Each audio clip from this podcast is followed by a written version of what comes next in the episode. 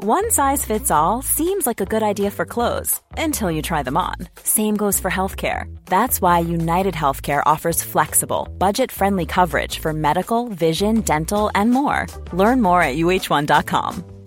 Ryan Reynolds here from Mint Mobile. With the price of just about everything going up during inflation, we thought we'd bring our prices down. So to help us, we brought in a reverse auctioneer, which is apparently a thing. Mint Mobile unlimited premium wireless. Ready to get 30, 30, bit to get 30, bit to get 20, 20, 20, bit to get 20, 20, bit to get 15, 15, 15, 15 just 15 bucks a month. So, Give it a try at mintmobile.com slash switch. $45 upfront for three months plus taxes and fees. Promo rate for new customers for limited time. Unlimited more than 40 gigabytes per month. Slows. Full terms at mintmobile.com. Hallå, Simon Gärdenfors här. Lyssna på Far och Son på Spotify. Vi har mycket nytt på gång. Eh, om du bor i Helsingborg så kommer jag köra stand-up där eh, den 26 november. Vad har vi mer? Ingenting tror jag. Jo, köp Hobby, min nya seriebok med plastfigur. Nu kommer Arkivsamtal.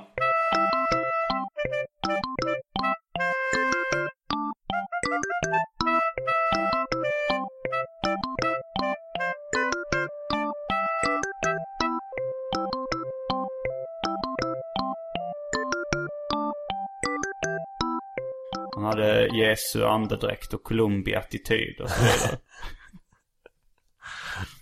Just det, ja. Men då säger vi hej och välkomna till uh, Arkivsamtal. Jag heter Simon Gärdenfors och mitt emot mig sitter Fredrik Andersson. Väl- välkommen hit. Tack Simon.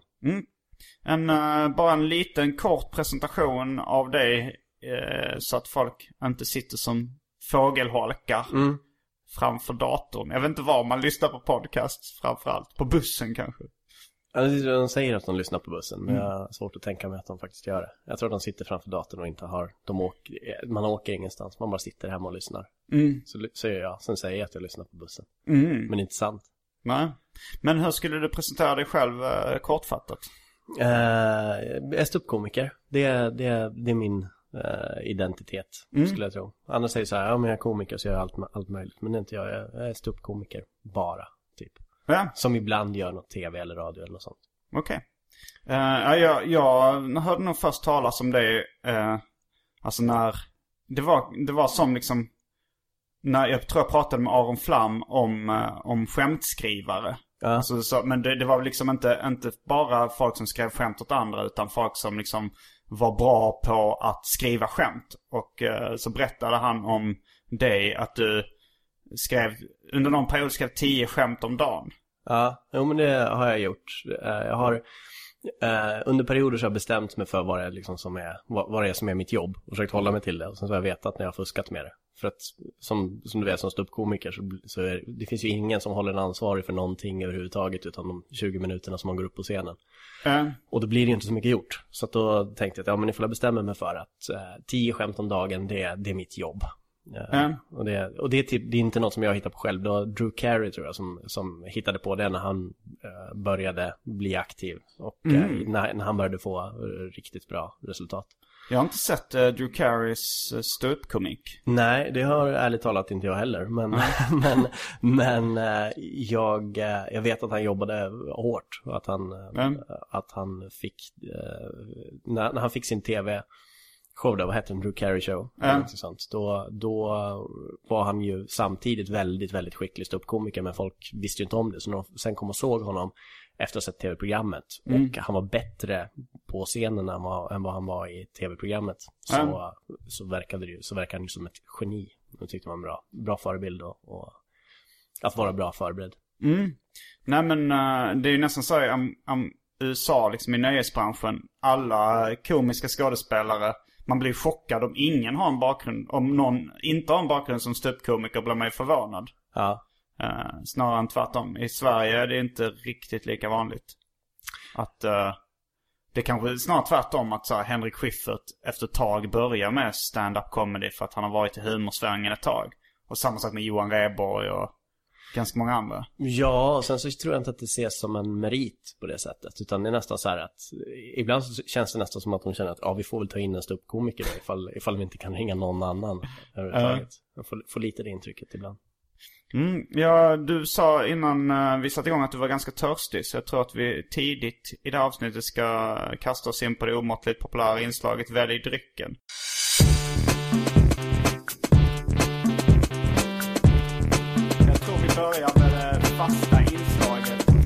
Drycken!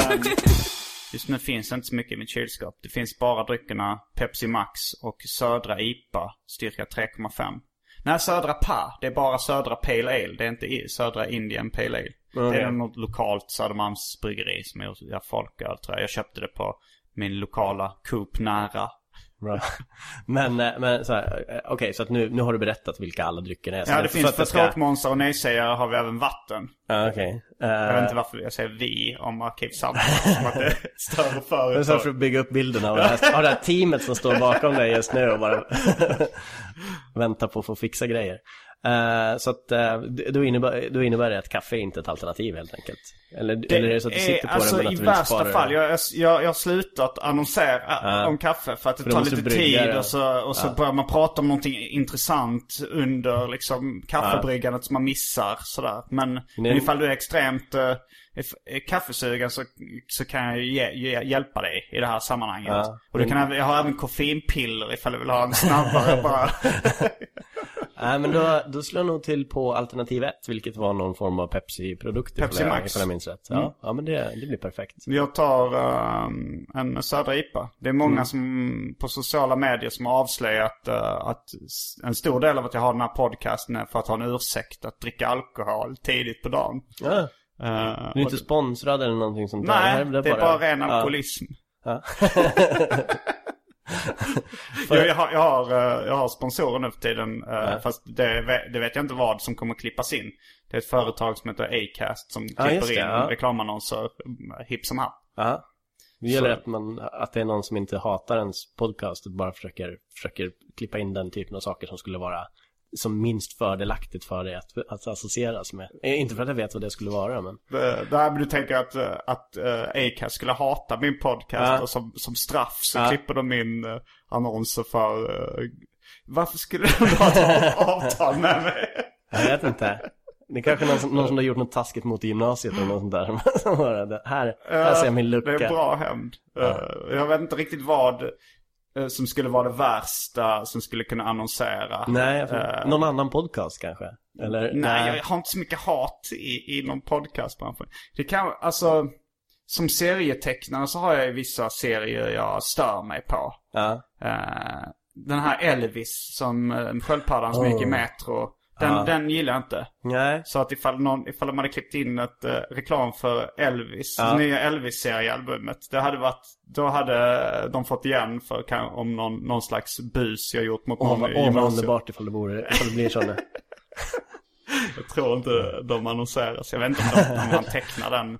Alltså när jag träff- träffade tecknaren Tony Kronstam i verkligheten. Så var han ganska trevlig. Och det, det, då fick jag en inre konflikt. Ja. Att jag, jag, jag ville ju att, jag, att bara mi- mitt hat mot serien skulle kunna överföras på personen också. Men vad är det, som, vad är det som du stör dig på? Det är nog humorn i den. Och, eh, Vilket är eh, tuff kritik mot en humorserie. Ja, som, jo, som. Ja, men det, det är en, en form av humor jag inte gillar. Och sen så eh, en, en form av Svensson-livsstil med tillhörande åsikter som visas upp i den. Är det så här igenkänning som, som baseras på en igenkänning som, som, som, eh, som, eh, som förutsätter att man lever sitt liv på ett speciellt sätt som är uh, nedlåtande eller mot Jag mot vet läsaren? inte riktigt. Jag bara... Det bara jag, För jag jag för mig, jag för mig att jag har känt något liknande när jag läste men jag Ja. kommer inte ihåg i, i detalj att det var någonting som jag kände att men det här, det här, det är tänkt att jag ska känna igen mig här Ja. och, det, gör- och det gör mig arg. Ja, men, men frågan är varför det gör mig arg liksom. Eh, det, det, kanske, det kanske är en djupanalys man behöver göra av det här. Alltså varför det provocerar mig. Att det är tanken att jag ska känna igen mig i ett visst typ Ja. av Svenssonliv. Som jag inte känner igen mig i. Men, men det, är- det är ju en väldigt återkommande orsak till varför jag blir arg när jag kollar på humor ibland. Ja. Att, och det blir jag ju inte när jag kollar på någon annan underhållning oftast. Ehm, ja, ja, men, nej, men när det är uppenbart att det är någon känsla som man ska få, som det är tänkt att man ska få. Och, och den känslan är, men jag befinner mig inte alls på det här planet just nu. Och så, och så förutsätts det. Inte. Det är intressant. Det är, det är, det är en intressant diskussion att försöka men om det varför, skulle ligga varför för- humor gör en arg. Ja, men det, det är nog också att det ligger hyfsat nära. Alltså så här, hade det varit så här, eh, gruvarbetare i, i eh, Chile. Som sa, nu ska man relatera till det här. Ja. Då hade jag inte blivit provocerad. Nej. För det ligger det för långt ifrån min vardag. Det är där att det ligger och skaver liksom Ja. lite nära kanske. Men eh, tillräckligt långt ifrån. Jag vet inte riktigt. Det är, det är svårt. Men det gör, det, jag kan koka av ilska om jag, om jag tänker på den teknologin. jag vet inte varför. All världens orättvisor som finns och sen så blir man bara arg för att någon har träffat nästan rätt i beskrivningen av en. Jo men så, så känner jag ganska ofta att, att, eh, att jag kan inte riktigt relatera till världens orättvisor utan därför Nej. retar upp mig på extrema småsaker. Oh ja. ja. Eh, ja. men jag tror istället vi, vi går och hämtar uh, drycken. ja.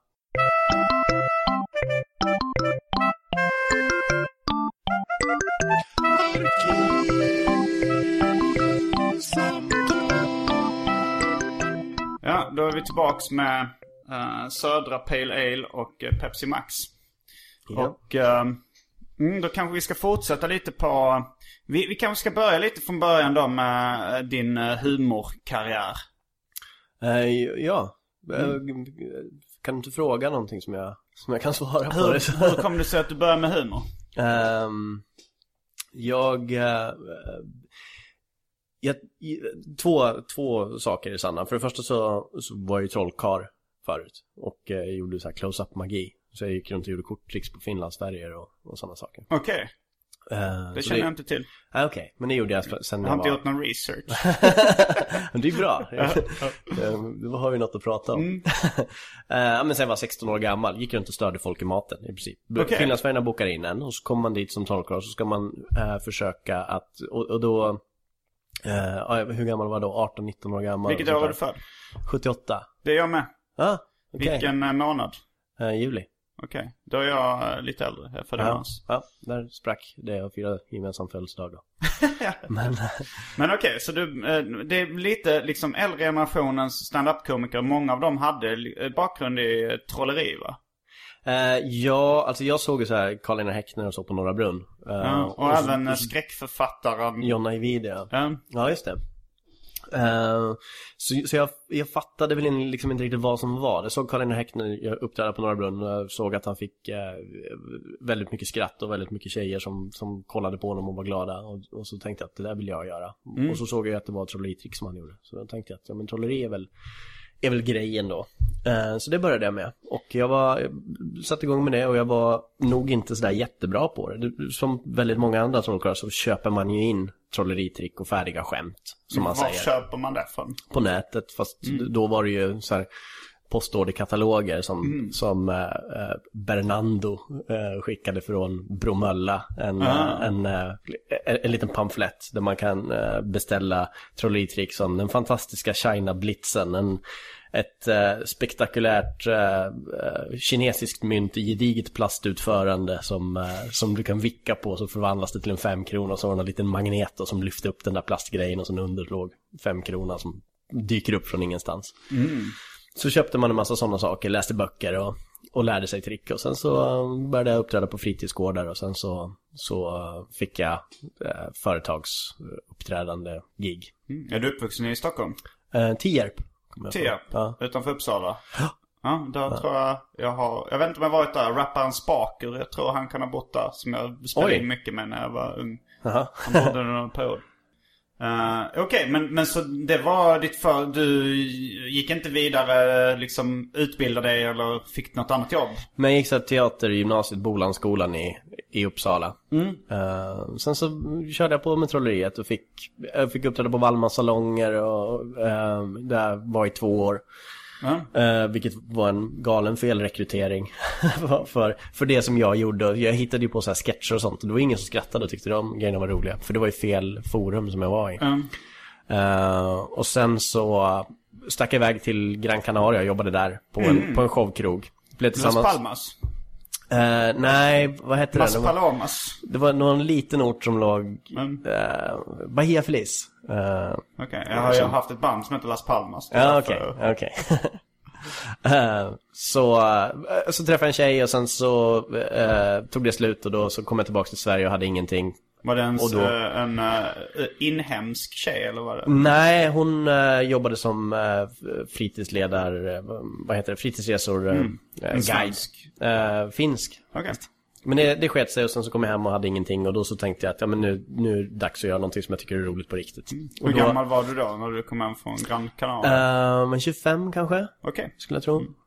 Och då så hörde jag mig till Norra Brunn och sa, eh, jag tycker det vore kul att köra stand-up. Får jag, får jag komma och köra stand-up? Och då så sa de nej. Utan eh, man får börja på mindre klubbar och, och bli bra där först. Ja. Så då tog jag kontakt med Marcus Palm som hade syster och bror. Tror jag att det var. Och han, Vilket och, och han skickade mig vidare till något annat ställe. Det var var det 2004, 2005 någonting tror jag. Ehm, och där började, då, efter det så började jag med stand-up eh, bara. Så du började med stand-up i kanske 26-årsåldern eller något sånt?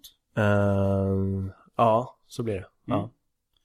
Och, och sen så har du bara kört stand-up och lite tv-jobb och sånt? eh. ja, ganska snart så började jag skriva för tv också. Gustav Skördeman var, träffade jag på på någon, eh, på en av, han hängde också på de där klubbarna. För det är ju så, må, väldigt många tv-producenter och manusförfattare Mm. är ju själva ståuppkomiker och har, eh, eller uppträder åtminstone då och då eller hänger på klubbarna eller någonting sånt. Så det, det var ju en bra, det var ett bra ställe att showcasea eh, manusförfattande på. Mm. Men eh, vad skrev du för, till för tv-program? Det första som hände Mm. var att jag fick jobb just för, som redaktör för 100% som Gustav Skördeman var producent för. Okej. Det var där Kristoffer Appelqvist slog, slog igenom. Precis, Marika Karlsson och eh, Sean Atchi och eh, vilka mer hade vi med? Det Magnus Bettner var ju med också. Mm. Så där började jag. Så hur, hur snabbt gick det från att du liksom eh, började med stand-up till att du började skriva för tv? Ett år ungefär. Okej. Mm. Så gick rätt fort. Jag provskrev för någonting annat. Eh, och det fick jag inte. Så, att, eh, och då så skickade jag manuset tror jag till Gustav Skördeman och han sa att ja, men det här var ju, det här var ju roligt. Och sen så erbjöd han mig jobbet. Okej. Och sen så har jag fortsatt med det och, och, och, gjort, eh, skrivit för, ehm, för olika tv-program, kortare tider eller varit redaktör och hoppat runt lite grann fram och tillbaka. Vilka, vilka program har du skrivit för eller varit, jobbat med? Ehm, Parlamentet, eh, Veckans Nyheter som Henrik Schyffert hade, Extra Extra, eh, Morgonsoffan. Säkert några fler som jag, eller ja det är, det är väl ett tiotal program. Mm. Jag vet inte exakt vilka. Har du skrivit för några sitcoms? Eh, nej, det har jag nog inte gjort. Ja, det finns ju inte så jättemånga. Nej. Eh, vad heter det? Solsidan är väl någon form av Ja, just sitcom. det. Mm. Nej, det har jag inte. Jag tänker mig att det nog är lite annorlunda än det som, för jag är, jag är ju skämt, väldigt skämtorienterad bara. Eh, Så kort som möjligt och, och effektivt. Sen, kan, sen, sen när man väl har levererat det till någon annan så kanske de broderar ut eller gör en hel rutin av det. Men, men min specialitet är ju eh, effektiva skämt. Mm. Jag tänkte vi ska prata lite mer om skämtskrivande så småningom. Men, men jag vet att du också har eh, bott i England under en period och kört stand-up. Tre år. London eller? Tre år. Eh, hur började allt det? Mm, Magnus Bettner började åka över. Eh, och sen så skaffade han en manager där, Mick Taylor. Som han började samarbeta med. Och Mick kom över till eh, Sverige och just då så låg jag under Magnus Bettners bokningsbolag FTV Productions. Och så, så såg han mig uppträda på Norra Brunn. Och eh, Körde du på svenska eller Ja, engelska? jag körde på svenska och han pratade ju inte ett ord svenska så jag, jag fattar inte riktigt vad han... Han kanske hörde att publiken skrattade. Jo, så var det men han, han hade ju ingen aning om hur bra min engelska var. Nej. Men eh, sen så började han ge mig lite bokningar här och var. Mm. Och sen så blev det ganska mycket och just då så tyckte jag att det var ett bra läge att bara eh, släppa allting efter, efter ett tag. För det blev så pass mycket bokningar. Ehm, Och, och det, det blev mer och mer och, det, och, och jag märkte att eh, det fäste väldigt bra. men kunde du leva på stand-up i Sverige innan dess? Då hade jag precis gjort uh, Big Comedy-turnén. Som, eh, som jag hade dragit in en del pengar på. Som jag Mm. visste att ja, men då kan jag leva på de pengarna ett tag medan jag börjar om från början. För, Ja. det, var, för det var verkligen att börja om från början. Mm. I, eh, i London. Göra alla de här rookie-giggen och vara... Och Big Comedy var när du turnerade med massa andra kända komiker. Ja, precis. Det var ju, då var det Schyffert och Felix Herngren och, um, ja vilka mer var det? Um, Adde Malmberg och, och så. Elina Dyrje. Just det, just det. Det var samma år. Men då hade, jag, då hade jag dragit ihop en, lite pengar och så hade jag jobbat med ett, eh, en del, någon, något, någon radda tv-program precis innan också. Så att jag kände att jag kunde, hade en bra start där. Men då, då flyttade du till London och, och skaffade en lägenhet där, eller hur? Jag hyrde ett rum. Ehm, det är ju så svindyrt. Ja. Så vad jag gjorde var att jag tog mina marknadsföringsbilder, la upp någon annons på, på någon sån här lägenhetssökarsajt och bara en, en snäll svensk kille och sen så började snälla tanter ringa. och sa att vi har ett rum. Ehm, och sen så fick jag ett rum då i, en, eh, i eh, Muswell Hill som jag har Alltså i ett... Muswell Hill som Okej. det heter. Så det, det är ett litet rum i ett hus som, eh, som en familj bor i. Hur mycket kostar det i månaden? Svenska Eh, pengar. Ja, hur mycket? 6 och 5 kanske. Sånt. Ja, det för är ett- för ett rätt rum. mastigt. Det är rätt. Det är var det lätt att, att få in eh, stålar i, i London på stand-up som täckte liksom mat och hyra och... Ja, först och främst så, var, så hade jag ju fortfarande möjlighet att jobba i Sverige. Så att Ja. jag eh, kunde åka över och, och göra enstaka firmajobb eh, och lite klubbjobb och sånt. Och sen så i början så tjänade jag ingenting på giggen i London. Och sen så allt eftersom så tog det över eh, mer och mer. Så att mot slutet så, har det, så, har, så gör jag den typen av gig som är på samma nivå som de som jag gör i Sverige nu. Så Ja. jag, har, jag har balanserat upp det så att det är på, på Men var det mest företagsgig eller klubbgig i London? bara klubbar. Okej. Där, för i Sverige verkar det vara så här lite svårt att leva på bara klubbgig. Kanske omöjligt, jag vet inte. Ja, Men, det skulle eh, nog vara. Men, eh, och, men i London. Ja, så- fördelen är ju att du kan, du kan göra så många. Det är mindre betalt för varje, för varje gig. Mm. Så att, eh, men du har ju möjlighet att göra tre på en kväll. Om du går från ställe till ställe.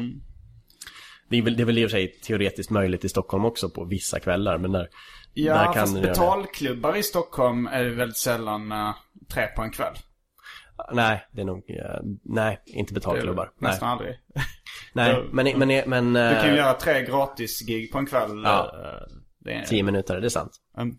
Det, det fanns väl ett tag där det gick att göra. När Syster och Bror och Norra Brunn körde samtidigt så kunde man i alla fall eh, göra en dubbel av de två. Okej, de, det var en betalklubb också. Ja, Systerbror. det var det var innan min tid. Ja, Okej. Eh, Eh, jo, det var en betalklubb. Så det, det vet jag att det var många som, som dubblade upp på det sättet.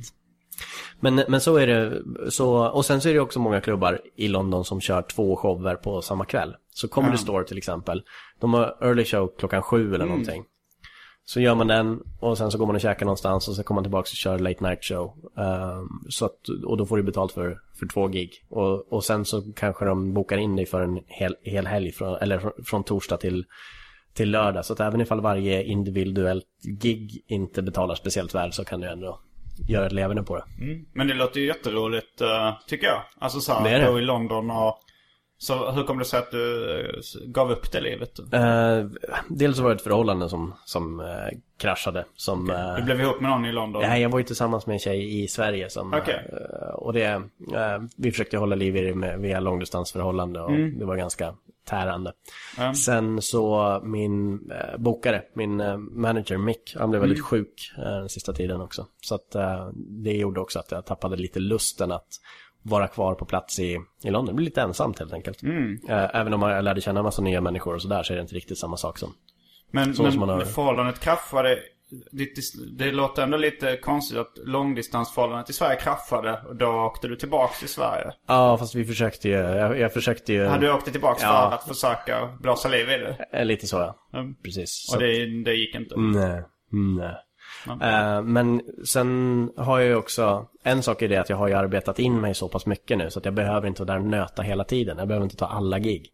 Nej. Så nu var jag där eh, i veckan. Så jag, jag kom hem i förrgår och då har jag varit där och kört eh, på Comedy Store och på lite andra ställen. Och sen så åka dit eh, om någon vecka igen. Ja. Så, så jag pendlar. Och sen så ska, har jag ju tänkt göra föreställningen på Edinburgh-festivalen nästa, nästa år. Så att eh, den föreställningen som jag gjort här i Sverige nu Ja, är den var väldigt skojig. Att, Serial ja, det, ja. Joker. Ja. Eh, jag såg den. Det är väldigt, eh, du har en väldigt skämttät stil. Att det, Mm. så här, det går inte många sekunder innan det är en punchline. Nej, det är ju bara skämt. Det är ju, jag det, att jag har inte... nästan är det en, inte en one-liner komiker men kanske en två eller tre-liner komiker. Ja, eh, eftersom jag inte har något budskap eller någonting utan bara försöker pressa in så mycket de skämten som jag tycker är roliga. Sen så är det ju inte så att alla folk skrattar hela tiden. Det finns ju massor med skämt som, som vissa människor inte tycker om eh, i, i en publik liksom. Så att eh, det är väl inte... Eh, och vissa skämt är ju inte heller tänkta att ge ett högt skratt utan mer en, en känsla av avsmak. och då... Så att eh, jag skulle säga att det, det, är en ganska, det är en ganska tät föreställning med någon form av effekt eh, Mm. i, i dem. Men sen som det är ett stort gapskratt eller inte, det tror jag inte. Jag tror, jag tror att eh, även någon med en tematiserad föreställning på kanske säkert ger lika mycket eller mer skratt i sig. Eh, men, men jag har ju skämt som är, som bara är, som bara är tänkt att ha värdet av ett skämt Ja. och inte någonting annat. Ja, nej det är väldigt... Uh, vissa av skämten är, är så bra så att jag drar dem eh, som roliga historier. Bara berättar liksom det här. Men det är det som är det bästa betyget Mm. tycker jag. Det är precis så jag vill ha det. För det är så jag började, eller, eller liksom så, så jag konsumerade humor när jag var när jag var yngre. Jag kollade ju så här, jag, jag sk- skrev ut så här Stephen Wrights eh, one-liners på nätet. Så jag Ja. läste upp det för mina, eh, alltså precis när, eh, det var bland de första humorgrejerna som lades upp överhuvudtaget på nätet tror jag. Mm, mm. Som, eh, som jag testade med mina kompisar och liksom lärde mig hur det, hur det, hur det funkade. Ja. Och det är ju så här, eh, ja, jättekorta skämt, saker som man, som man kommer ihåg och som inte kräver jättemycket leverans egentligen. Det är nästan så skämt som vem som helst skulle kunna leverera till någon annan och, och eh, ja, så vill jag att det mina ska vara. favoriter det var den när eh, din brorsa höll på att dö i skogen. Eller Mm. vad det var. Vill, du? Vill du? Eh, Kan, kan inte du återberätta det? Återberätta. Eh, det, det var så här att... eh, Ska, jag kanske ska berätta det då i karaktär av dig. Att jag, Ja. så här, min, min storebror han höll på att dö. Eh, han var med om en olycka i skogen. Och eh, bara genom att dricka sitt eget urin så lyckades han överleva. För han hade huggit sig själv i benet och bara ifall han drack sitt eget urin så lovade jag att skjutsa honom till sjukhuset. Ja, ja. Helt, helt, helt korrekt. ja, bra, bra levererat. Ja, tack. Det var... Jag, jag tänkte på en, har du sett eh, Talking Funny? Det var någon slags HBO-samtal som var lite som en filmad podcast. Mm. eh, med Chris Rock, Jerry Seinfeld, Louis CK och Ricky Gervais. Ja, jättebra. Det Mm, jättelänge sedan jag såg det. Jag skulle nog kunna tänka mig att se den igen. Men där så återberättade eh, Jerry Seinfeld ett av uh, Louis CKs skämt. Så han, det här är ett av mina favoriter. Då var, då var det... eh, och, och Louis CK hade inte riktigt fattat att det var ett skämt. Det var bara en del i en längre rutin. Han sa, Ja, ja. du berättade ju det som att det var ett skämt. Precis. Nu, nu är ju din uh, uh, brorsan i skogen ett väldigt tydligt skämt. Men hans, eh, hans skämt var väl så här att han tyckte att att ha eh, semester med familjen var liksom inte så, det, det kändes inte så avslappnande. Han sa så här, men jag, jag liksom placerar hela familjen eh, i, i bilen och sätter barnen i baksätet och sen spänner jag fast säkerhetsbälten på dem och sen så stänger jag dörren till min fru. Och så går jag runt bilen och sätter mig i, i andra framsätet. Den promenaden runt bilen, det är min semester. Just det. Jag berättade för min brorsa då som har bara två barn och han skrattade för han kunde relatera till Ja. det. Jag skrattade inte så jättemycket när jag hörde Jerry Seinfeld återberätta det skämtet. Men... Nej, jag antar att det är så att Louis CK har skrivit en rutin när, när han är på väg någon annanstans. Och sen, Ja. så, och sen så har han lagt till en massa puncher innan. Mm. Varav det där är en av dem och därför så har han inte tänkt på det som ett, som, som ett skämt. Mm. Så, så brukar det vara för mig också. Eller så är det nog för alla komiker. Att man, man har ett skämt som som man har trott har varit hela rutinen liksom. Och sen så har man lagt på något skämt innan. Ja. Men efter ett tag visar det sig att publiken kommer bara ihåg det man säger innan. Och, och sen så kanske man slopar det skämtet som man skrev egentligen. Och så, Mm. så står man kvar där med, med någonting som bara har dykt upp från ingenstans nästan. Och, och Jo, det är- så har det varit för mig också några gånger. Att folk har skrattat jättemycket åt någonting som jag inte fattat. Att jag, jag Ja. själv inte har tyckt var roligt. Och så Nej. får man behålla det. Men eh, jag såg fram emot ganska mycket eh, att snacka med dig idag. Eh, Mm. Det var inte bara att få dricka alkohol mitt på dagen som jag såg. Utan det, det bör, det, För jag, jag är ganska intresserad av humor på ett teoretiskt sätt Mm. också. Och har läst ganska mycket böcker om humor och skämtskrivande. Jag tycker det är ganska få eh, stand-up-komiker i Sverige idag som är speciellt intresserade av liksom själva teorin bakom det. Vilket jag tycker är jättekonstigt. Det är konstigt, men, men jag har noterat att du är väldigt intresserad. När jag skrev, eh, jag sk eh, skrev till dig på Facebook och snackade lite om vad jag ville prata om. Så sa jag liksom att jag ville gå igenom hur du skriver dina skämt. Och då svarade du Paddan ska dö.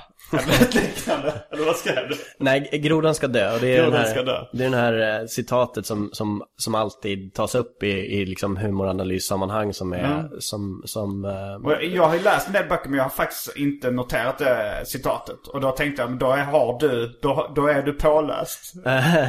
nej, nej, alltså jag känner ju faktiskt inte till originalkällan utan jag har bara hört det i de sammanhangen när man har diskuterat det. Men, det är, men, det, men citatet är, jag skickade det till dig där, vill du läsa Mm. Ja. det? Nej, det, du kan få, jag kan, jag kan, Okej. kan ju säga ungefär hur det är. Ja, ur minnet så är det att, eh, att analysera humor är som att dissekera en groda. Eh, resultatet är oftast att eh, patienten dör på vägen och, eh, eh, och eh, slutprodukten intresserar bara riktigt inbitna forskare eller någonting sånt där. Eh, Ja men så är det ju. Och det ju, finns ju lite kanske en myt om att humor dör när man analyserar den. Ja, eh, jag tror att det by- bygger väl mycket på att det är, en, det är, en, det är inte skämtande man håller på med just då. Men, Nej, ifall, men, inte. Men ifall, ifall man bara hört en komiker sitta och skämta och vara rolig, så, så, och om man aldrig har hört personen sitta och analysera saker, då är det klart, då, då upplevs det som fruktansvärt tråkigt. Men eh, det är väl inte tråkigare än någon annan diskussion liksom. Nej, men det är, det är mitt senaste nördintresse och passion är skämt och humor. Så jag Ja. är väldigt sugen på att prata om det. Men Vi kanske kan börja då med hur, hur du går tillväga när du skriver ett skämt. Ehm, ja, Skriver du fortfarande tio skämt om dagen? Nej, jag, det, det är vad jag ska göra. Men eh, eh, nu har jag ju eh, slarvat den senare tiden. Eller slarvat, jag vet inte. Man är i olika faser också. Eh, så att det känns som att ibland så är man i fasen att man ska få en föreställning att hamna på plats. Liksom. Eh, och Vad sa du för en föreställning? få en föreställning att hamna på plats. Nu har det varit så att jag har ju satt ihop en föreställning av alla mina skämt och försökt hitta övergångar. Så då har inte, då har inte värdet varit att skriva nya skämt utan det har varit att se vad, vad det är för någonting som passar ihop med vad. När jag har eh, suttit och pusslat med det. Men eh, samtidigt så är det en del av mig som, som, som känner att ja, men det är bara skitsnack. Man ska, man ska skriva tio skämt om dagen, alltid. För att, för att man håller igång rutinen att skapa. Jag skriver ett skämt om dagen. Det är jättebra. Det har jag som rutin. Men tio vet jag inte om jag ska... Alltså vissa dagar uh, hin, skulle jag nog inte hinna skriva tio skämt. Nej men om man tänker att det är ens arbete. Om man, Ja. tänker, om man tänker sig att det faktiskt är, det här är, det här är när jag går till jobbet. Det här är min 9 till 5 liksom, att skriva Ja. 10 skämt. Jo, det om man ju kör ett- det så. Det tar ju en och en halv timme, två timmar liksom. Det tar inte Ta så det bara en och en halv timme för att göra tio skämt. Ja, men sen ska behöver de inte vara bra. Nej. Men, men de behöver ha någonting som är en vändning. Liksom. Ja. Det, be, det behöver vara en, det behöver vara en ingång, en, en, eh, en rimlig observation eller en, eller en anekdot eller vad- man nu ska säga. Och Mm. någon form av twist på slutet som gör att, att upplevelsen av förvåning som, som sen genererar skratt finns med. Ja. Men tror du inte att du har en hjärna eller en speciell fallenhet som gör att du kan skriva tio sådana på en timme? Jag tror inte vem som helst kan göra det. Eh, det, just den grejen tror jag är, är erfarenhet och övning att, eh, att göra en hög hastighet. Men jag tror, jag, jag tror absolut att man kan ha, att man har, att det finns någonting som är talang, medfödd talang för, för oväntade tankegångar. Det tror jag. Sen hur man paketerar det, hur man lär sig att hantera det och, och, och sätta ord på det, det, det tror jag att man kan lära sig. Har du skrivit ett skämt idag? Eller något? Uh, nej, jag har ett, ett skämt som ligger, och, som ligger och bubblar i mig, men jag har inte riktigt eh, formulerat det än. Det, är, eh, det är inte kul än, men, men jag, kan, jag kan berätta hur det ser ut just nu. Eh, och det är att eh, det är ett halloween-skämt. Så jag funderar på att man skulle kunna, att, att man blir frestad att begå en fruktansvärt ondskefull handling bara för att man är lat och inte vill klä ut sig till någonting hemskt och bara vill kunna gå som den där killen som, som körde en gräsklippare genom en kaninfarm liksom. För, för att du bara, ah du är jättelik. Ja, just det. Eh, formuleringen på den grejen har jag inte hittat än. Men jag vet att det finns någonting, någonting kul i att, att vara lat, göra någonting. Ja, det- Jo, att göra något fruktansvärt på grund av lättja. Det finns Ja. ju någonting skojigt i det. Men sen, men sen det fruktansvärda också, för att det ska bli kul så tror jag att det fruktansvärda i det skämtet måste vara eh, lite abstrakt och, och eh, lite och, och galet. Just, just gräsklippare över, och sen så det, det är en, det hemskaste så här val, valp, djuret. valpuppfostrar, valpuppfödarfarm. Jag såg, jag såg en, en komiker på Big Ben som jag tror var nybörjare. Som jag inte tyckte var speciellt kul. Men sen kom han med och hade ett väldigt bra halloween-skämt. ja. Eh, som var... Eh, Ifall du drar det nu så kommer alla veta vem det är. Ja, hur? det kommer det. Och, och, och eh, jag sa... Ja. Jag, jag tyckte inte han var så jättekul. Det var Okej, till och med ja. så att jag, jag nästan trodde så här. Har han snott det här skämtet? För att Ja, det, ja, det ja. stack ut som så mycket bättre. Det, än- är- det är bra betyg på Eh, ett Det skämt. stack ut så mycket, eh, alltså så, så mycket bättre skämt än, än alla andra skämt han Ja. drog. Men eh, det var, han sa så att, nej men det handlar om Jehovas vittnen. Och att de eh, inte firar jul, de firar inte halloween. Ja. Och sa ja, de firar inte halloween. Ja, de kanske inte gillar när folk kommer och knackar på dörren till Ah. folk som inte har bett om Ja, det. just det. Det är jätteroligt. Um, Klockren observation. Mm. Mm, men, men hur... i- alltså när du började skriva skämt då, när du bestämde dig för att skriva tio om dagen. Mm. gi- Gick det trögt då? Var det svårt att liksom få, få ur dig Hur lång tid gick det på en timme då också? Jag tror inte det gick, tog väldigt mycket längre tid, men sen tror jag att kvaliteten blir bättre allt eftersom man gör det fler och fler gånger. Men det är ju en ganska, eh, det är ändå ganska långt i processen att skriva en mängd skämt är ju ändå, eh, eller jag menar man kan ju börja med det när som helst, men man måste ju ändå ha en ganska, någon form av grundläggande uppfattning om vad som är ett skämt innan man, innan man sätter en mängdkvot på det. Jo, jag har ju lite så som min, mitt löfte till mig själv. Min promise ring jag har i min hjärna. Att skriva Ja. ett skämt om dagen. Då är det ju så här, alltså reglerna för det att det ska ha formen av ett skämt. Ja, Sen behöver det inte vara speciellt kul. nej. Men man, man ska, när man läser det ska man ändå säga, men det där är ett eh, skämt. Inte ett bra skämt, men ändå ett skämt. Exakt, istället för, för fällan som man lätt hamnar i att det bara blir en anteckning, en observation, men inte formulerat på ett sätt som gör att, att, det, att det skulle kunna levereras. Först när man skriver det på ett sånt sätt som, som, som är verkligen, ja, helt enkelt det man säger när man pratar, som man ser vad, vad man har för någonting. För så fort det bara, bara blir en anteckning, bara någonting kul om den där saken, då, då är det bara, jag vet människor som har kollegieblock eller kolleg, efter kollegieblock fyllda med anteckningar som är helt värdelösa för att, för att det inte har formen av skämt utan det är bara tankar. Jag gör ju så liksom, först så antecknar jag någonting kul om, eller jag skriver inte någonting kul om, men det var eh, eh, till exempel min lilla syster berättade och att eh, när vi var små så, eh, de, alltså jag, vi, jag är ju född på 70-talet och vi har ju mycket så här proggiga föräldrar. Eh, så så de, rätt många av våra kompisar, de fick lyssna på så här kassettband med, jag vet inte, Kåldolmar och Karl Sipper och Nationalteatern och sådär. Men det enda vi hade var ett, eh, ett, ett band från Föreningsbanken som man fick gratis där som heter Mynttrick. Som handlar om en elefant som tjänade pengar på en cirkus och satte in pengarna på banken. Och, eh, och att liksom nej men alltså ett band som då propagerade kapitalism. Ja. Men, eh, och, och det... Då så antecknade jag liksom bara att någonting kul om mynttrick. För det, jag tyckte det var en rolig observation, den grejen. Men, men sen så skrev jag i morse då ett skämt på det temat. Som liksom har formen av ett skämt. Som jag inte vill Precis. dra nu. För att det är ju väldigt, eh, blir ju inte speciellt kul eh, i fel sammanhang när man drar skämt. Men, men, men det är det jag menar, om man inte gör det arbetet, om man inte går från den första anteckningen, Ja. den där som, som är att det här var det som hände. Om man, om man, inte, om man inte går till nästa steg, då är det en värdelös anteckning.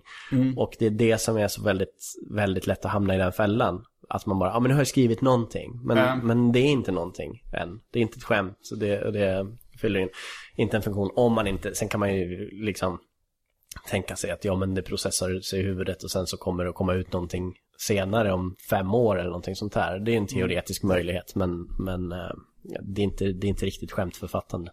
Men vad tror du? För jag tror, om jag skulle ha två, om jag liksom avsätter två timmar om dagen för att skriva skämt. Mm. Eh, jag har aldrig testat att försöka skriva tio skämt på de två timmarna. Utan om jag då sk- försöker jobba på ett skämt och skriva ett, ett roligt skämt. Eh, frågan är då vad som ger bäst resultat. Att skriva tio snabba och sen så på ren statistik kanske ett av det, de tio är väldigt roligt. Eller att liksom ganska jobba lite långsammare på ett. Alltså jag tror inte det gör jättestor skillnad. Jag tror att bara man, eh, om, om du jobbar med ett skämt och gör det arbeten som ska göras på, på den dagen, Mm. så ligger du hästlängder före eh, 99% av alla komiker som, eh, som finns där ute. För de allra flesta jobbar inte på det sättet. Nej. Det, det, ja, jag började med det ett skämt om dagen. Nu är det några andra. Jonas Strandberg och Hampus Algotsson har sagt att de har börjat med samma rutin. Vad- Ja. Men, det, men det är roligare också som när man går på mycket gratisklubbar så är det roligare att höra folks nya skämt. eh, Än att höra skämt som man har hört hundra gånger innan. Så jag är rätt glad att det sprid, att om det sprider sig att folk börjar skriva mer skämt också. Ja, men sen är det ju också att, att arbeta in det i akten. Jag har ju, eh, jag har ju samma ångest som alla andra över att jag har jätte, jättegamla skämt som är, som är kvar i min akt. Och, och det har inte någonting att göra med hur, hur mycket man skriver, utan det har att göra med vad man kasserar egentligen. För att om man upp, alltid uppträder på samma, inom samma ram, 20 minuter, då får du den perfekta 20 minutaren. Där du i och för sig får starkare och starkare skämt, men det är en väldigt långsam process. Eh, och det är någonting som, det, det är min fälla som jag hamnar i. Att jag, eh, att jag putsar och polerar på någonting så att det blir för överarbetat istället för att bara slänga ut en stor mängd och sen så tvingas fylla upp med nya grejer. Men det är också svårt om man inte har nya forum. Så därför så blev det, så var det väldigt bra när jag nu gjorde en timme för första gången. För då tvingades jag försöka få upp saker som egentligen inte höll rätt kvalitet till rätt kvalitet. Är den exakt en timme, din show? Eh, 54 minuter. det, ska vara, det, det ska rymmas inom en timme på eh, Edinburgh-festivalen och då ska du ha tid att släppa in publiken och ta ut eh, publiken och, och allting ska, ska finnas inom det. Hur lång är en liksom klassisk special på HBO eller Comedy Central? Jag kommer inte ihåg, jag tror, men jag tror att det, de är kortare än vad man tror tror jag. Ja, de menar det, för det är reklam också. De kanske bara är 35 20 minuter, minuter. jag tror nästan att det är 20 minuter som, som är de som man har sett. Eh, Okej, det är inte så mycket. Kan vara så. Men har du, har du läst mycket böcker om humor och skämtskrivande? Mm, ja. Vilka eh, kan du rekommendera? Ehm, alla har sina fördelar och svagheter. Gene Parrott har skrivit någon bok som heter Comedy Writing Secrets, tror jag att den heter. Den tyckte jag var väldigt bra. Eh, jag tror att det kan ha varit där som jag läste om Drew Carey,s uh, vana med att skriva tio skämt första gången. Eh, den har också en, en ganska så handfast modell för hur man går från brainstorming till, till eh, ett färdigt skämt. Eller inte bara ett färdigt skämt utan en färdig rutin. Hur man, hur man eh, skri, överarbetar. Om man ska skriva en rutin, kanske fem minuter på ett ämne. Ja. Så, eh, så Är det, brukar rutin vara runt fem minuter? När man snackar om... eh, fyra minuter tror jag är lite Okej. nästan tre, fyra, tre, fyra minuter. Ehm, men det här, det är anpassat efter 60-talet när man skrev monologer till komiker liksom. Så Ja. det, är, det är en ganska gammal sort eh, humor. Så att det som är, det, det som hans, I som är vilket skämt, forum uh, uppträdde de komikerna? det var så mycket så här Bob Hope när han skulle ut och, och eh, eller exemplen kanske är från den tiden, så här, när, när Bob Hope var ute och gjorde turnéer, turnéer i USA. Ja. Och dyker upp i en ny stad. Och sen så, eh, vad han hade då, han hade författare som åkte före honom till staden som han kom till. Så då var det två författare som låste in sig på ett hotellrum, gick runt i staden, tog anteckningar om, om allting som, som skulle kunna vara roligt att skämta om. Eh, eh, sattes ner och skrev, fick ihop en monolog om den här staden då. Okej. Och sen kommer Bob Hope in Han dagen så efter och ska uppträda. att han kunde ha råd. och- Exakt. Då kommer han in och så bara, okej, vad har ni för någonting? Så sitter han läser igenom det. Ja, men det där Alltså, kan det är han. i och för sig på Letterman och Leno Exakt och så, sånt. men han såg, det, han såg sin turné som en tv-produktion på det Mm. sättet. Eh, och det är ju proffsigt. Absolut. Men, eh, Men Bob Hope, var han känd för någonting annat förutom att vara komiker? Eh, det tror, jag känner bara till honom som komiker. Okej. Och då känner jag ändå inte till honom speciellt väl som komiker. Nej. Utan jag vet mer om, om forna tiders eh, författande och hur deras arbetsprocesser än om deras faktiska humor. För, för processerna är så lika hela tiden. Det finns komiker som jag tycker är jätte, jättedåliga. Men som arbetar på samma sätt som jag gör. Och som jag liksom respekterar och tycker är fantastiska på sättet som de arbetar. Även om skämten som de sen levererar är någonting som jag inte skulle vilja ta i med tång.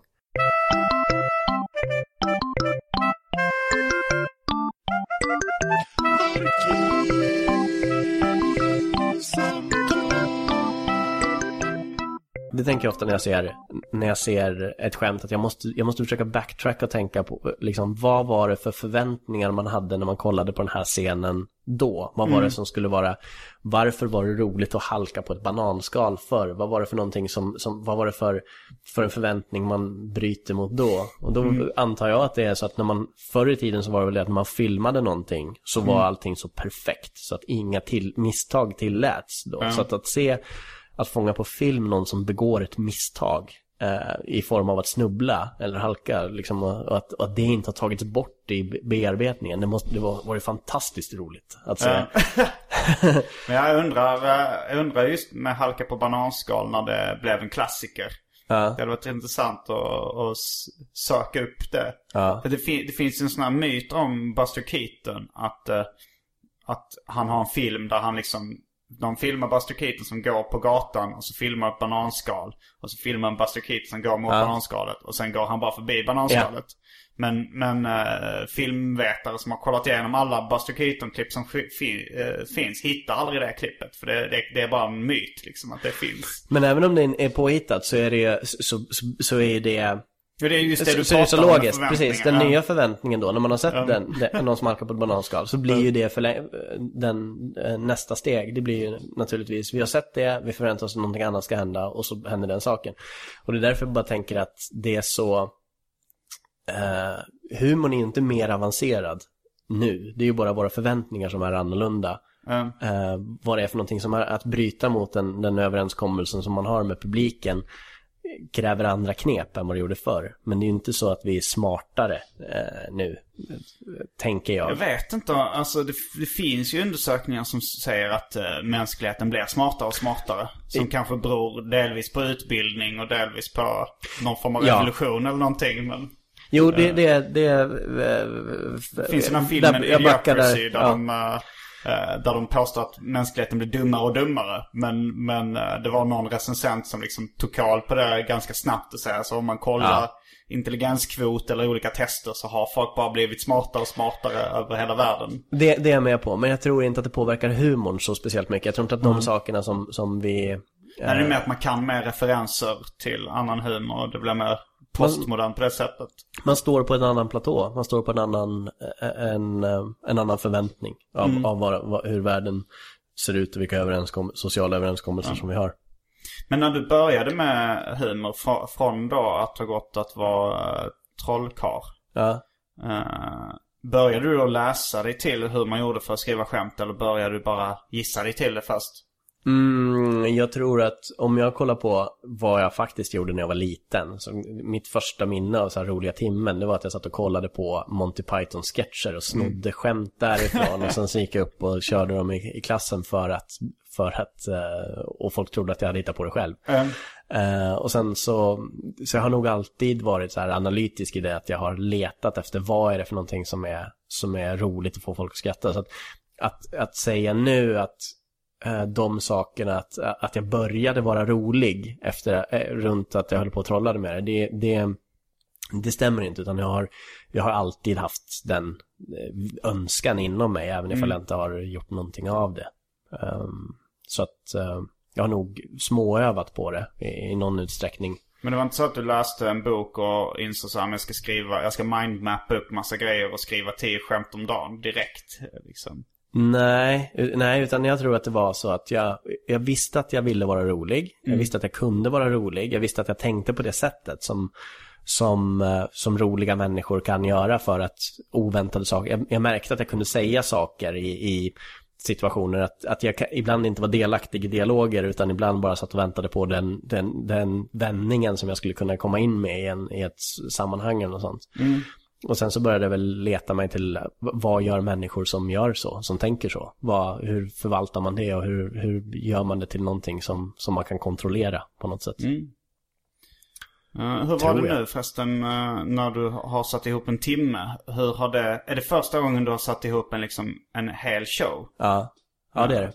Och hur många år har du hållit på nu? Jag är lite dålig på matte. Eh, Eh, ja, om man bara räknar uh, stand-up-tiden då, så tio år då. Tio år. Nio, tio år. Ja. Känner du att det var ett lagom tillfälle att göra det? Eller tänker du att du skulle kunna ha gjort det vid tidigare tillfälle?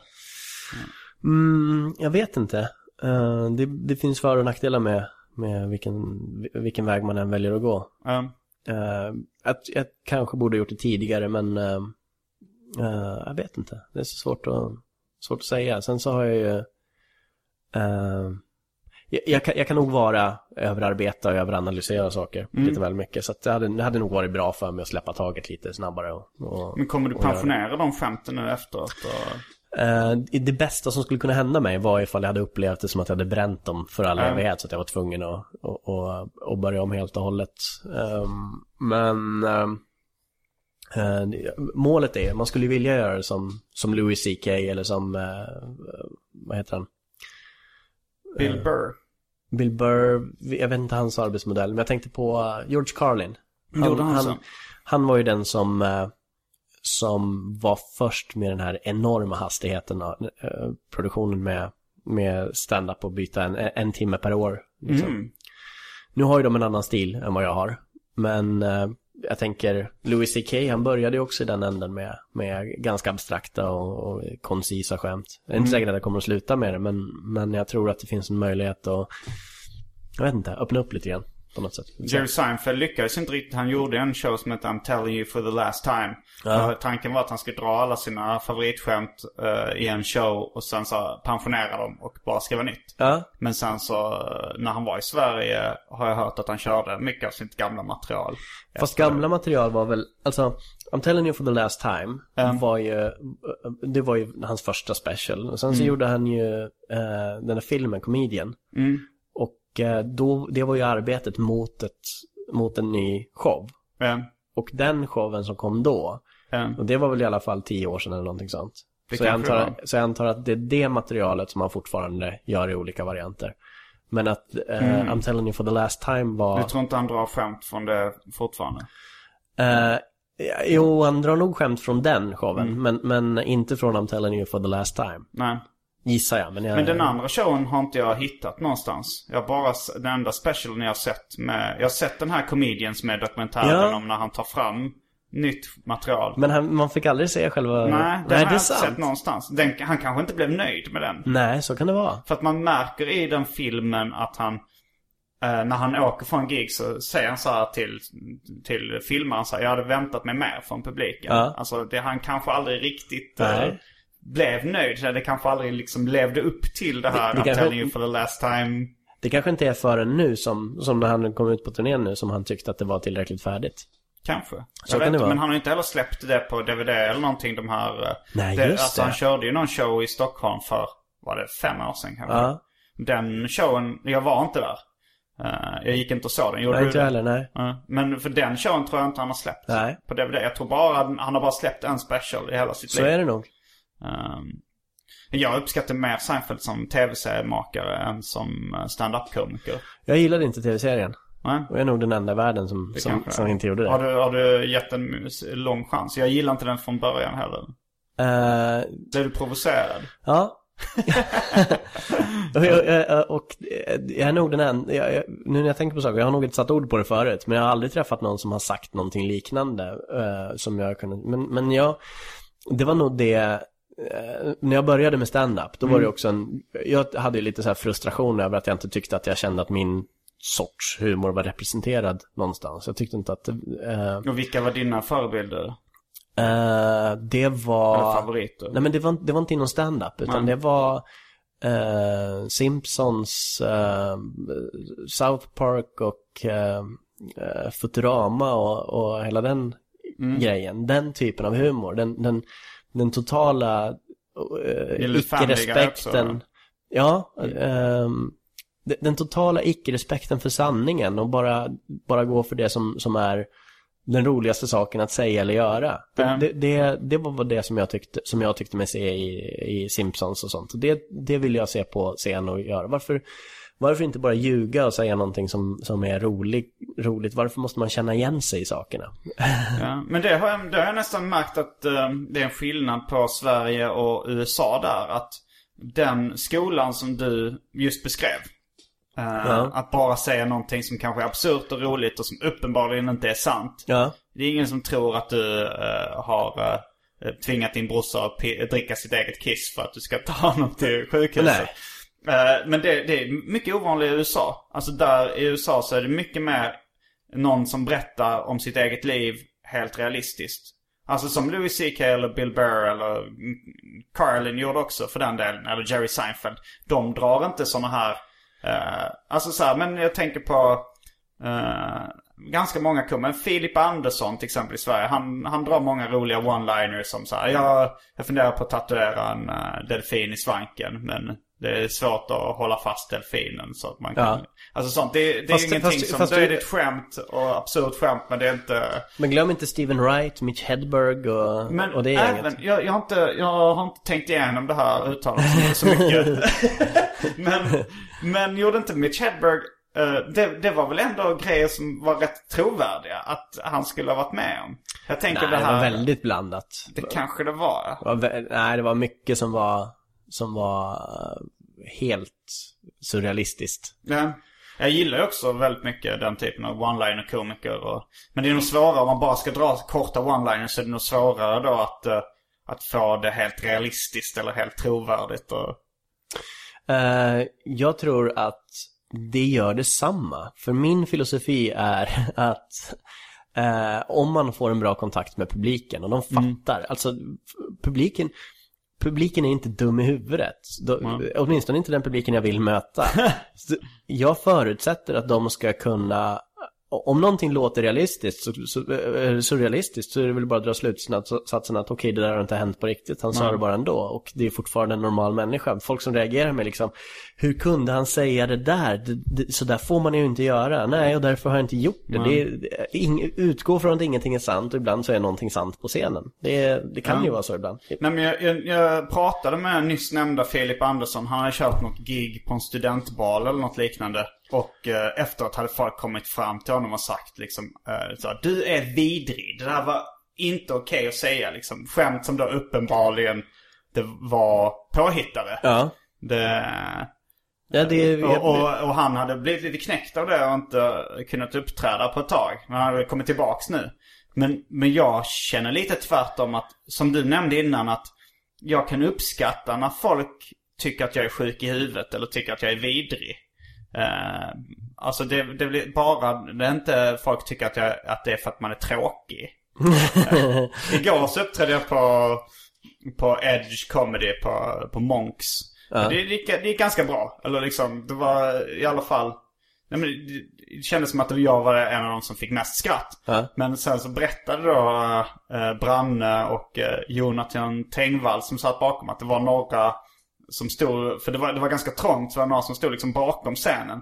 Och det var någon där som liksom var så, som sa, som eh, verkligen hatade mitt material. Ja. Och då blev jag först lite ledsen och sa så, fan jag sagt? Jag trodde det här skulle vara roligt och, och så. Men sen så berättade eh, Branne då att han hade sagt att han, att han hade varit upprörd för så att det där var, eh, han sparkar neråt, det där var över gränsen. Och då blev jag lite glad, okej det är därför han, han inte gillade det, för att det var, Jo, det lite- för det- att det var över gränsen och för att, det, för att jag sparkade neråt liksom. Eh, och då, då kändes det bättre än att någon bara säger att jag trodde att det här skulle vara roligare. Ja, ja men det, det kan jag nog dela. Men det, den, där, den där fascinationen över hur det man säger kan mottas på olika sätt är, är alltså hur, hur eh, det är någonting som, är, som blir väldigt påtagligt när man gör flera gig på samma kväll. Och, Mm. och man går från det ena stället för att ha varit kung på det stället. Så kommer man till nästa ställe och så ser man en publik som bara tittar på en och bara Men hur kunde du tänka dig att det där skulle vara roligt? Liksom. Exakt samma sk- skämt som liksom fick 500 pers att skratta så, så tårarna rann för, för en halvtimme sedan. Och sen så bara Men det, det där, det, du kan ju inte, du kan inte möjligtvis ha trott att det finns ett, ett skämt i den Kunde där det vara så i. London liksom att det var så, så pass stor publik och så liksom likartad publik som ändå samma skämt bara var totalt Nej, olika? jag kan nog säga att den återkommande faktorn är att ifall, ifall det är en, eh, eh, ifall det är riktigt, ifall det är ett riktigt dåligt gig så var det oftast väldigt lite, lite publik eh, också. Och, eh, eller, eh, eller alternativt en väldigt, väldigt full publik. Men är det en, är det en publik på 500 personer och de är nyktra, då, då ska det rätt mycket till för att, för att det inte ska bli eh, ett bra gig liksom. Eh, om man har hållit på så pass länge så att man kan kontrollera de omständigheterna. Men det är ändå konstigt tycker jag att man möter en publik med kanske 20 pers om, om det är så lite. Att det ändrar dynamiken så pass mycket så att det inte, inte reglerna gäller och att de orden som kommer ut ur, ur ens mun betyder någonting helt annat helt plötsligt än vad det gjorde när, man, när det var 500 personer. Det är intressant. Ja, det är väldigt intressant. Um, jag har funderat lite också på hur, uh, uh, vilka, för i Sverige du liksom har kunnat leva på stand-up både i liksom England och i Sverige och sådär. Men du är inte ett hushållsnamn på det Nej. sättet som liksom, eh, jag tror inte min mamma vet vem du är till Nej, exempel. nej. Eh, vilket hon kanske gör med två eller tre komiker i Sverige bara. Alltså, Ja. alltså det är väl... Vad, vad, vad tror du... Vad tror du gör att någon blir ett hushållsnamn? Om jag nu ska ha den anglicismen. Eh, ja, du bör ju ha en ganska, ett ganska brett tilltal i det du gör. Ja. Ehm, och sen så måste du göra tv. Det går Ja, inte att komma ifrån. Det är kanske det som är att synas på ett populärt tv-program. Det är Och, kanske och, det åtminstone så har det varit så förut. Jag, jag tror nog att den regeln håller på att förändras. Finns det någon komiker i Sverige som inte har uh, synts i något populärt tv-program som ändå har haft det liksom blivit ett stort namn som stand-up-komiker? Fast nu, nu, medan jag säger det så inser jag att om någon hade blivit det hade de blivit upplockade av tv ganska snabbt i alla fall. Ja, fast sen är det ju också, egentligen så är det ju så att bara för att du är en bra ståuppkomiker så behöver du ju inte vara jättebra i tv. Nej. Liksom, Det är troligt att, att du kommer att kunna åtminstone arbeta upp och bli det. Men det är inte en självklarhet att översätta på det sättet. Men sen om man tittar på eh, Johan Glans och Magnus Bettner, när de, eh, de var ju eh, galet bra komiker, in, ståuppkomiker innan eh, folk visste vilka de var liksom. Eh, Johan Glans var ju hade ju ryktet om sig att vara den här underground-komikern som, som, som alla visste var helt fantastisk och som var ute och liksom arbetade hela, hela tiden. Men, som, men som aldrig syntes i tv. Det var Nej, ju... men alla, alla visste, det var väl inom comedy-svängen då. Exakt. Att det var inte, men han, ja, i och för sig, han var väl, för jag kommer ihåg jag hörde liksom talas om vissa av hans skämt. Ja. Innan han slog igenom och, Ja. och eh, jag tyckte Samma de var här. roliga. Ja. Men just det, det, eh, det måste jag säga, det fanns undantag till det jag sa om att jag inte tyckte att min humor var representerad. När jag såg Johan Glans och eh, Henrik Elmer så kommer jag ihåg eh, på så här slängde i brunnen så, bara, så tyckte jag det var helt genialt. Ja, men som du sa också så tror jag att det börjar luckras upp lite grann.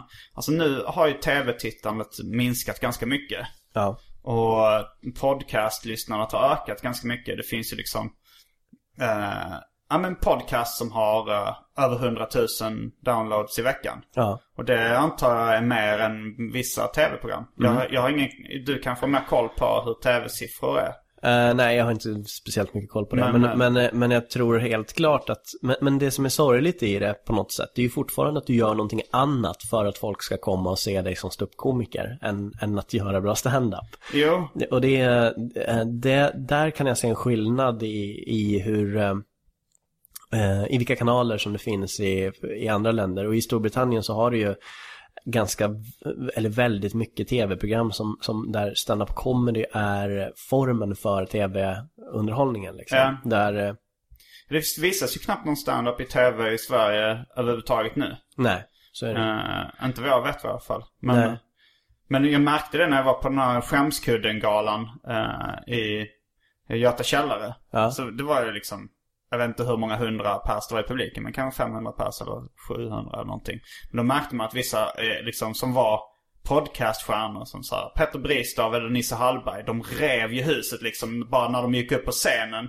Ja, Det var- kul, fick ja. de mer eh, vrål och, och applåder än Henrik Schyffert när han gick upp. Fan vad roligt. För att det är ju så nu att liksom de har, eh, de har ju hundratals tusen lyssnare i veckan. Ja. De stora podcasten. Så liksom. Ja men det är jättekul. Um, Det är jättebra. Ehm, men, men det är som du säger att det är inte stand-up man gör i podcastformatet. Nej, det är inte en självklarhet att man är en bra ståuppkomiker för att man för att man är en suverän podcastare. Nej. Och eh, det vore ju lämpligt om man hade en, någon form av kanal utåt för, för bra stand-up ut, ut till, Ja, till YouTube är ju en rätt bra eh, sätt att se på stand-up. Men det är, folk har, det är inte så många heller som har utnyttjat. Jag kan tänka mig att Netflix och, och, och sånt där kanske kommer bli att folk kommer släppa sina shower på Netflix och folk eh, kommer se det så på det sättet. Att det är där kanske det kommer sprida sig. Någon säger ni måste se den här showen. Men det måste också vara någonting som är, som är inte bara ens vanliga stand-up som man, som, man visar i podcasten. För att det måste vara någonting som är närbesläktat men inte exakt samma material som man har arbetat med i fem år eller någonting sånt. Men jag tänkte mer att om, om, eh, om till exempel du skulle släppa din show, Serial Joker, på Netflix eller Ja. på YouTube eller någonting. Och sen så sprider det klippet sig viralt på något sätt och, och folk tycker, kolla in det här stand-up showen, den är svinkul. Ja. Och så ser man den. Och sen så ett år senare har du en ny show. Och då, Absolut. genom det klippet, så har det varit lite i USA. Du liksom kanske Chris Rock eller någon, eh, han har i och för sig varit känd för andra saker innan. Men jag kan tänka mig att det var så med, eh, med Eddie Murphy. Mm. Att han gjorde stand-up shower som blev populära. Och sen, liksom nästa show. Ja. Jag vet inte om de spreds på VHS då eller liksom hur de spreds. Eller om de bara spreds på ord från word of mouth liksom. Men, Nej, jag vet inte heller riktigt hur, hur det funkade med sändningarna där och hur, hur de olika showerna spreds. Men, eh, men det som jag menar att man skulle ha störst nytta av det är om man har en, ett kanal, en kanal eller ett forum, utåt som är närbesläktat med stand-up comedy men kanske inte nödvändigtvis just ens eh, klubbsätt så att säga. men hur, hur, eh, om du vill ex, exemplifiera. Ehm, ett tv-program som är eh, som, som Mock the Week eller, eh, eller Russell Howards Good News eller, eller eh, Pick of the Fringe när man bara plockar upp lite grann av, av eh, Jag har inte sett någon av de programmen faktiskt. Eh, om man tar till exempel Russell Howards Good News så är, det, så är det nästan i formen av en, att, att kommentera veckan med en, en stand-up monolog eller någonting sånt. Och sen så ta in eh, komiker som, som eh, kan göra lika, liknande saker. Och det är inte nö- det, ju mer relevant det är för veckoaktuella händelser desto, desto mindre eh, krav blir det ju på att skämten ska vara helt perfekta ifall de känns relevanta. Men var det inte lite så i Kristoffer Appelqvists senaste tv-program? Alltså hårdvinklat. Eh, jo, Jag det... såg inte så jättemånga, mycket av det. Men, Ja, men det, var det, inte jobbade jag också med, absolut. Ehm, jo, det, det, och det är den typen av program som det behövs för att man ska kunna eh, arbeta in det. Nu. I och för sig parlamentet hade väl lite den funktionen. Att det var eh, komiker som blev kända i tv där och sen kunde liksom göra stand-up shower efteråt. ja, jag skulle vilja ha någonting som känns, som känns lekfullt. Liksom. Då- Alltså det som görs i podcastvarianter just nu, där, där eh, eh, nya talanger är avslappnade med Mm. att göra en massa saker. Eh, så skulle det behöva vara i, i det som visas i tv också. Och Jag tycker det är konstigt att inte, att inte någon av de podcasterna som, som, eh, som, som redan har en skön stämning inte kan importeras in till, till tv-mediet. Mm. Eh, men samma sak med stand-up. Det som görs på så här, att hänga på maffia eller någonting sånt. Det, det finns ett tv-program där någonstans i Ja. det. Och jag vet inte exakt hur man skulle, hur man skulle skapa det. Ja, jag tror eh, ett format som skulle vara rätt intressant att göra någon form av eh, reality-aktig show runt en standup-klubb. Att man får följa vissa karaktärer. För att det har ju visat sig vara rätt populärt. Alltså så här, Att följa, eh, nej men som de här tv-programmen där de följer, eh, vad heter det nu än, Eh, ett stort varuhus. Uh, Ullared, Ullared. grejen just det. Ja. Ja. men så att man Ja. hittar roliga karaktärer. De behöver inte kanske vara de bästa standup-komikerna. Men liksom udda karaktärer. Karl-Axel Björnberg. Ja. Och, eh, Ali Reza och sen, och sen kanske blanda upp det med andra eh, komikerkaraktärer och sen visar man lite stand-up. Det tror jag skulle kunna bli ett tv-program som skulle vara en Absolut. succé. Men eh, är det någonting du tycker vi har missat hittills? Ehm, nej. Jag tror vi börjar avrunda här då. Eh, vi säger att det här var allt från veckans uh, arkivsamtal. Det var roligt att ha dig här. Jag heter Simon Gärdenfors. Jag heter Fredrik. Tack så jättemycket för att jag fick komma. Fullbordat samtal.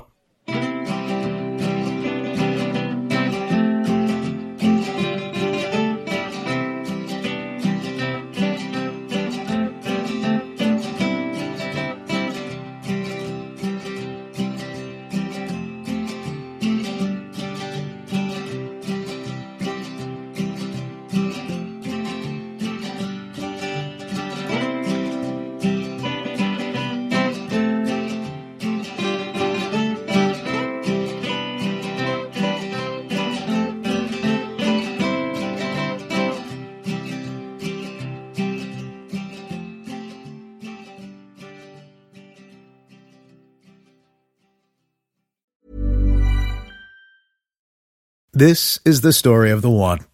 As a maintenance engineer, he hears things differently. To the untrained ear, everything on his shop floor might sound fine, but he can hear gears grinding or a belt slipping. So he steps in to fix the problem at hand before it gets out of hand. And he knows Granger's got the right product he needs to get the job done, which is music to his ears. Call, clickgranger.com, or just stop by. Granger, for the ones who get it done. ACAST powers the world's best podcasts. Here's a show that we recommend. The Real Housewives is a guilty pleasure for most, but if you're looking to not feel guilty about that pleasure, tune in to Everything Iconic with me, Danny Pellegrino, where I break down all the messy moments and behind the scenes antics of Bravo's popular franchise. And on Everything Iconic, I also interview celebrity guests like Kelly Ripa, Kiki Palmer, Drew Barrymore, Cameron Diaz, and more about their guilty pleasures, their past work, and so much more. So if you're pop culture obsessed and find yourself watching way too much reality TV like me, tune in to Everything Iconic with Danny Pellegrino wherever you listen to podcasts. ACAST helps creators launch, grow, and monetize their podcasts everywhere. ACAST.com.